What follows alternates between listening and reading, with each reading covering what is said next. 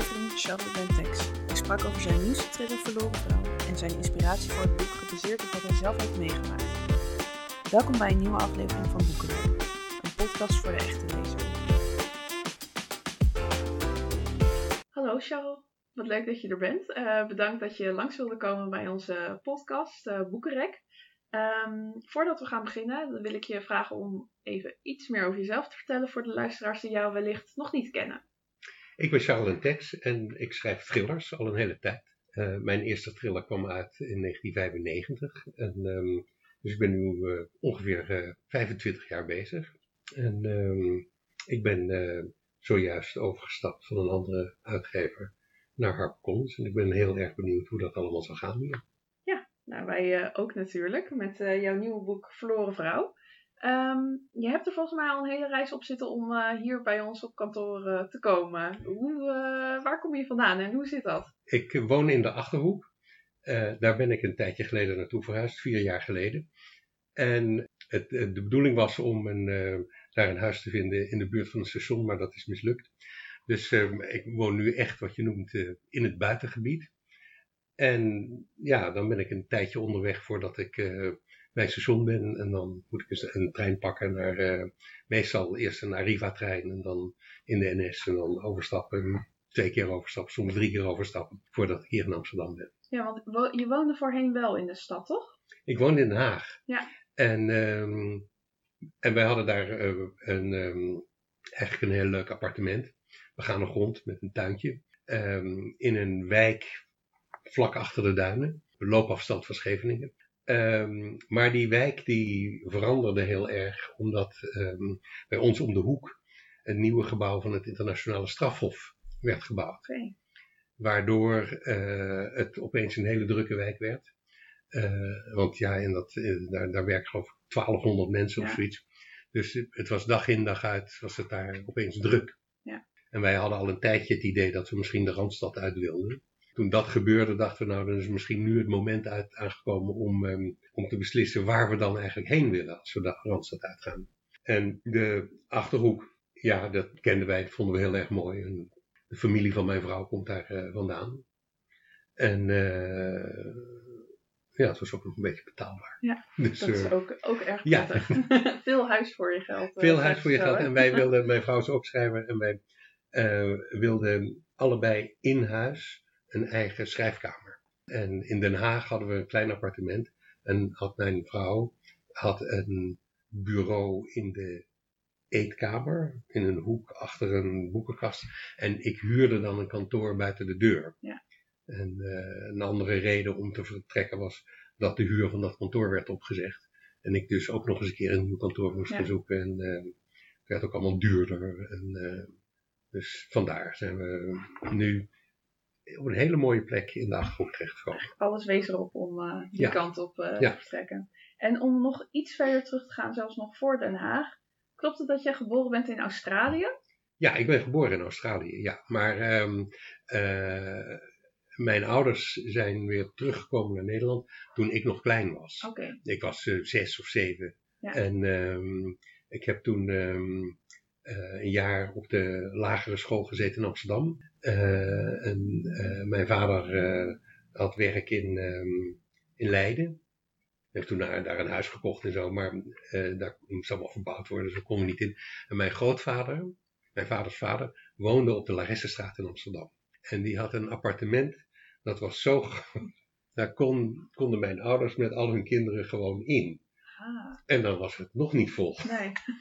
en uh, dus ik werd daar in één keer klap enorm verwend. Ja. En uh, nou, toen, en op een gegeven moment was dat huis in, uh, in Leiden af. Toen zijn we daar naartoe gegaan. Maar um, ja, toen wat ik zeg, toen was ik zes geloof ik. Ja, ja dat is toch wel, wel interessant. ja, ik, ik, ben ook, ik ben ook nog ja. steeds Australiër. Okay. En, en Nederlander. Okay. Ik ben Australiër omdat ik daar geboren ben. Ja. En ik ben Nederlander omdat mijn ouders Nederlands waren Ja. toen ik geboren werd. En voel je je nog enigszins verbonden met Australië? Kom je er vaak? Of is het gewoon... Ik ben nooit terug geweest. Nee, nee. En ik wil het wel. Ja. Maar um, het is er nog nooit van gekomen. Nee. Op een gegeven moment dacht ik, ik ga een boot nemen. En dan huren we een cabin op zo'n uh, op Ja. zo'n vrachtboot. Ja. En dat duurt dan geloof ik uh, zes weken of ja, zoiets. dat duurt heel lang, ja. En ehm, toen dacht ik, nou dat ga ik doen, dat lijkt me mooi. Dan Ja. nemen we drie maanden vrij of zo. Ja. Of, eh, of langer, of half, half jaar.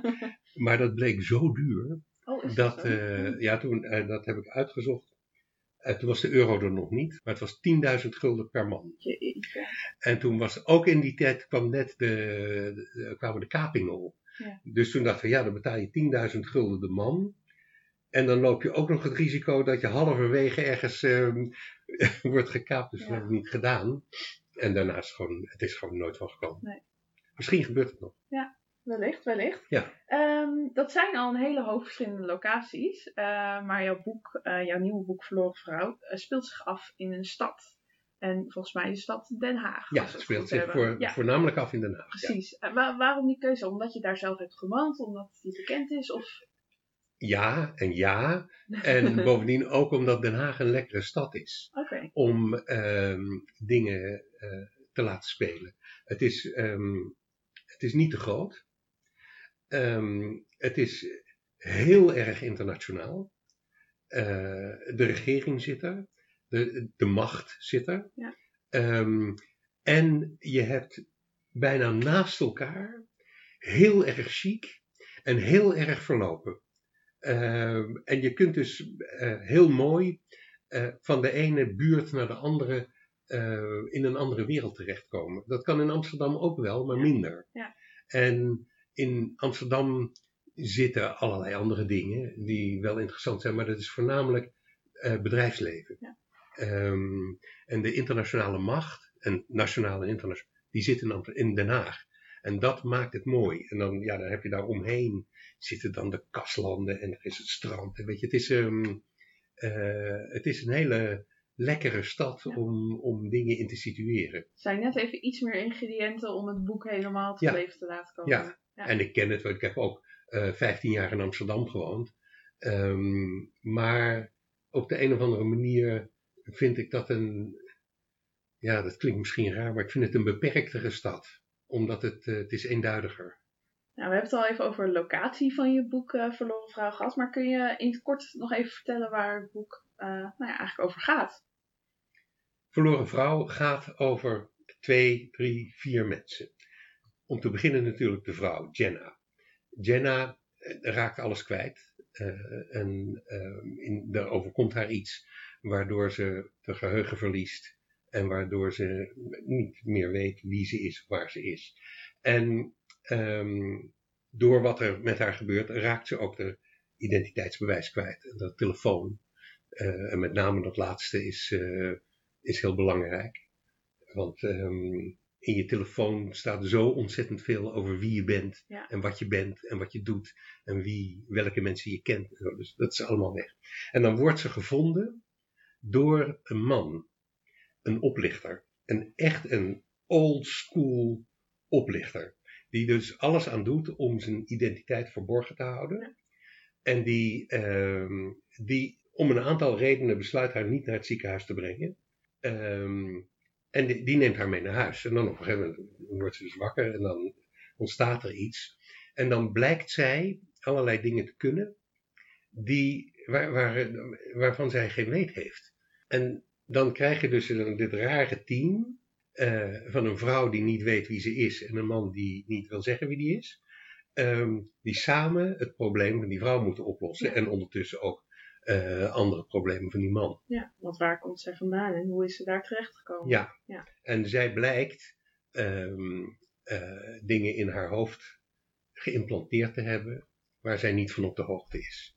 En dat klinkt heel onaannemelijk, maar de technologie van vandaag is zo ver dat als jij of ik onder narcose gebracht worden, en dat hoeft helemaal niet eh, eindeloos lang, dan kunnen er dingen geïmplanteerd worden waar je eigenlijk niks van merkt. Het klinkt inderdaad een beetje sci-fi, maar het is al wel volgens mij iets waar we naartoe gaan, toch? Wat ook Ja. al wel ook daadwerkelijk voorkomt en wat ook al wel bij mensen is geprobeerd of ge- uitgetest. Ja, het is het, het verhaal zoals ik het geschreven heb over wat zij kan en wat zij in haar hoofd heeft. Ja. Dat is zoals ik dat noem op de drempel van de toekomst. Ja. Waar wij nu staan. Ehm, er zijn allerlei dingen eh, die al kunnen. met uh, elektroden op je hoofd aan de buitenkant. Ja. Er zijn ehm, dingen die nu eigenlijk getest worden ehm, met hele dunne draden geïmplanteerd in je hoofd. Er zijn ook al uh, in de medische wetenschap uh, implantaten voor in je hoofd tegen Parkinson en tegen epilepsie en dat soort dingen. Um, nou, wat hier gebeurt in De Verloren Vrouw is een combinatie van die drie dingen. Ja. Dus een deel ervan kan al en een deel ervan kan bijna. Ja. En wat het met je doet, dat is al bekend. Want volgens mij heb je bij je vorige boeken heb je ook al wel eerder gebeurtenissen of dat soort dingen eigenlijk voorspeld. Als bijna een soort van toekomstvoorspeller. Dat, dat er, nou ja, dat, er, dat we er tegenaan zaten van dat gaat er aan zitten te komen. Dan heb jij erover geschreven. En vervolgens gebeurde het volgens mij ook daadwerkelijk, toch? Nou, dat vind ik heel leuk dat je dat zegt, maar dat was niet helemaal zo. Oké. Ehm, uh, het gebeurde al, alleen ik had het opgepikt. Maar een van mijn um, uh, regels, bij, of regels, een van de dingen die ik altijd zeg over wat ik schrijf, Ja. is als ik het kan bedenken, dan heeft iemand anders het al gedaan. Ja. Um, en dat bleek ook met, was bijvoorbeeld bij Cel. Ja. Uh, en dat ging over digitale identiteitsdiefstal. Um, en daar had ik een hele toestand van gemaakt. En toen dat uitkwam, dacht iedereen van nou, nou zeg, kom, kom. Maar dat gebeurde toen al. Ja. Alleen, we waren er nog niet van op de hoogte. En um, ja, wat ik nu heb, is ook weer zo, zo'n technologie, die is er al. Alleen we weten nog niet hoe ver die al is. Nee. Wanneer gaat het grote publiek het Wanneer gaat het grote publiek het merken? Nu met de digitale identiteitsdiefstal dat heeft daarna echt een vlucht genomen. En mensen hebben ook wel gezien dat dat echt een probleem is. Maar wat er nu aan technologie um, in ons gestopt kan worden, dat gaat een, dingen teweeg brengen. Daar is de digitale identiteitsdiefstal nog niks bij vergeleken. Dat kunnen we ook lezen in uh, Verloren Vrouw natuurlijk. Daar kun je een beetje van lezen ja, in Verloren Vrouw. Alvast een beetje proeven wat er allemaal wellicht mogelijk gaat zijn. Uh, of misschien al wel aan de gang is en waar wij geen weet van hebben. Dat kan natuurlijk ook. Um, je, je, schrijft dus over um, nou ja, zaken of kenmerken die, uh, waarvan je zegt hè, dat speelt al wel, maar het is misschien nog niet helemaal bekend bij iedereen. Um, zitten er daarnaast nog veel autobiografische elementen in je boek? Nou, niet op dat vlak. Niet op dat vlak. Nee. Maar dat, wel op andere vlakken misschien. Um, ja, ongeveer de helft van het verhaal is uh, gebaseerd op iets wat mijzelf is overkomen. Uh, namelijk die oplichter. En niet dat ik die oplichter ben, maar Oh, ik, heb met die, ik heb met die man aan tafel gezeten. Oké. Okay. Omdat hij mij wilde oplichten. En, uh, het is een. Um, ik had uh, een huis in Frankrijk. En dat stond al een tijdje te koop. Uh, in een deel van Frankrijk waar het heel moeilijk is om je huis te verkopen. En toen opeens reageerde er iemand en de makelaar uit Frankrijk die belde op en die zei van ja, ik heb een geïnteresseerde en die, um, die wil je huis kopen, maar die wil graag eerst met jou zelf praten. Zonder dat ik erbij ben, zonder dat de makelaar erbij is. Okay. Dus toen zei ik van oh, is dat, uh, is dat normaal? Ja. ja, zei hij, ja, ja, ja, ja, dat gebeurt wel vaker. Ik zei nou oké, okay, goed, um, geef maar mijn e-mailadres of mijn... Uh... En toen kreeg ik dus contact met een zekere meneer Edouard Deville en zijn compagnon David Beauman. En deze twee mannen, die kwamen uit Genève, zeiden ze, um, en die uh, wilden mij graag spreken. En dat kon ook niet over de telefoon, want het was beter om dingen te bespreken niet over de telefoon. Dus toen hebben wij afgesproken in uh, Amsterdam, in het Arena Hotel, op het terras daar, want zij zouden toch naar Amsterdam komen. En toen dachten mijn vrouw en ik, dachten van ja, jee, wat, wat, wat is dit? Ja, weet je? Wat moeten die wel, mannen? Ja. En ik, nou, ik ken een paar mensen die uh, in het bankwezen en ik ken ook een, een, een zogenaamde private banker. Dus ik dacht, weet je wat, die ga ik opbellen en ik leg het voor. En die zeiden, ja, ja, ja, nou dat, dat is natuurlijk zwart geld. Die mannen die willen zwart geld Ja. lozen. Dus die komen bij jou aan en die zeggen van, nou jij vraagt zoveel, kan de helft zwart. Ja. In een tasje. Ja. Hm? Ik zeg, oké, ja, ja. En wat zeg ik dan? Nou ja, dat wordt, hangt een beetje vanaf wat ze... Nou, en toen zei ik, zou jij mee willen naar die afspraak? En uh, ja, ze zei, ja, ja, dat wil ik. Ik zei, ja, het zijn Zwitsers, dus uh, volgens mij spreken ze Frans, uh, maar misschien ook Engels, dat weet ik niet. Um, nee, nee, dat is goed. En, um, nou, dus de afspraak was gemaakt en even later belt die bankier me op en zegt, ja, ik heb nog een collega van me die heel goed Frans spreekt en die wil graag mee. Dus um, toen heb ik deze meneer De Ville en Beaumont, die heb ik een een uh, sms'je gestuurd. Ik zeg, joh, uh, heeft u bezwaar als mijn private banker meekomt? Klinkt ook altijd leuk, Klinkt hè, voor zo'n Nou, dat was ja. geen enkel probleem. en um, dus ik zat daar op dat terras met twee bankiers. En uh, te wachten op deze twee mannen uit Genève. Nou, toen ging de telefoon dat één van die twee niet kon komen. Want hij had een hele belangrijke afspraak met een hele rijke klant. En allemaal, allemaal heel veel bla bla. En het, met elke stap die er gezet werd, klonk het uh, uh, malafider. En toen op een gegeven moment kwam dus monsieur Beauman kwam aanlopen. En die kwam, die kwam daar, wij hadden een tafeltje helemaal aan het eind van het ja. uh, terras. En meneer Beauman kwam de trap oplopen en wij keken met z'n drieën en wij zeiden dat is hem. En die man die zag er zo ongehoord fout uit. Waar zag je het aan? Hoe ja, nou, hij, het, hij was een man die die een, een bepaald idee van chic of van, ja. van rijkdom, ja.